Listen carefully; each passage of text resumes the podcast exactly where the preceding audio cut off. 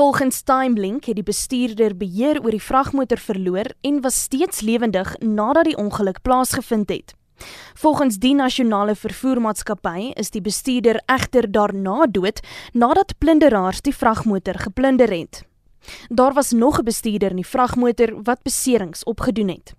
'n Woordvoerder van Timelink Cargo wat anoniem wil bly, sê hulle het eers gedink dat die bestuurder weens uitputting beheer oor die voertuig verloor het. After reviewing the footage, uh, it was clear that as the driver approached the town de Durance, there's an overhead bridge there and somebody threw a huge boulder from the top, which actually went into the windscreen, breaking the driver's steering wheel and uh, hitting the driver off the seat, which caused the vehicle to go off the road and fall on its side. And unfortunately, the driver was still alive, but due to the looters climbing into the cab of the truck, they actually trampled him to death. When I got to the scene yesterday morning, my aim was to get the hard drive from the vehicle. Our trucks are equipped with fatigue units and cameras and stuff like that.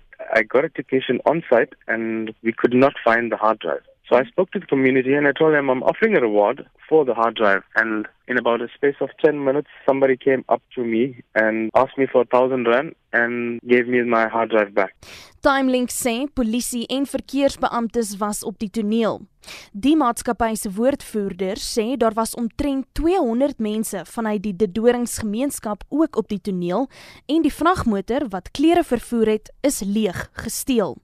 Hy sê dit wil voorkom of die aanval beplan is en 'n saak van moord word ondersoek. The, the sad thing is that people stop and start helping themselves to the cargo, but they don't actually, no one actually takes into consideration that there might be somebody injured there. They could have taken the drivers out of the truck, make, made sure that they were safe, and you know what, carried on with their looting if need be. But they were so, like, I would say, heartless. I mean, to trample a driver and not care for his well being Die Facebookgroep South African Long Distance Truckers sê hierdie is nie die enigste voorval waar vragmotors geteiken word nie.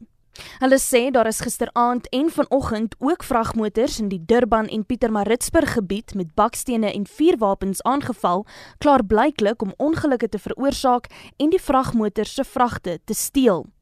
Timelink sê die oorlede bestuurder was een van die maatskappy se beste bestuurders. People don't realize that the country relies on trucks for service deliveries, meaning be it your bread or be it your food or your clothing or what. It's transported by truck. People are taking our truck drivers very lightly. I mean, they are human beings. They are earning a living. They have families to support. They're not doing it for the fun of it. They're doing it because they have to support their families.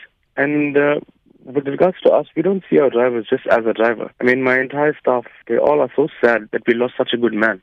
Beide die South African Long Distance Truckers en TimeLink sê hierdie tipe insidente vind gereeld landwyd plaas, maar dat daar geen hulp van die polisie of die regering is om dit te hanteer nie.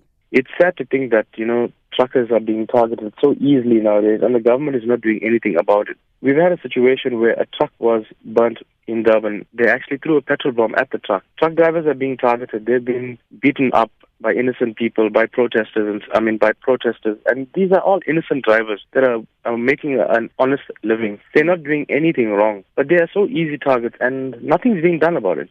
Dit was 'n woordvoerder van die vervoermaatskappy TimeLink Cargo wat gevra het om anoniem te bly.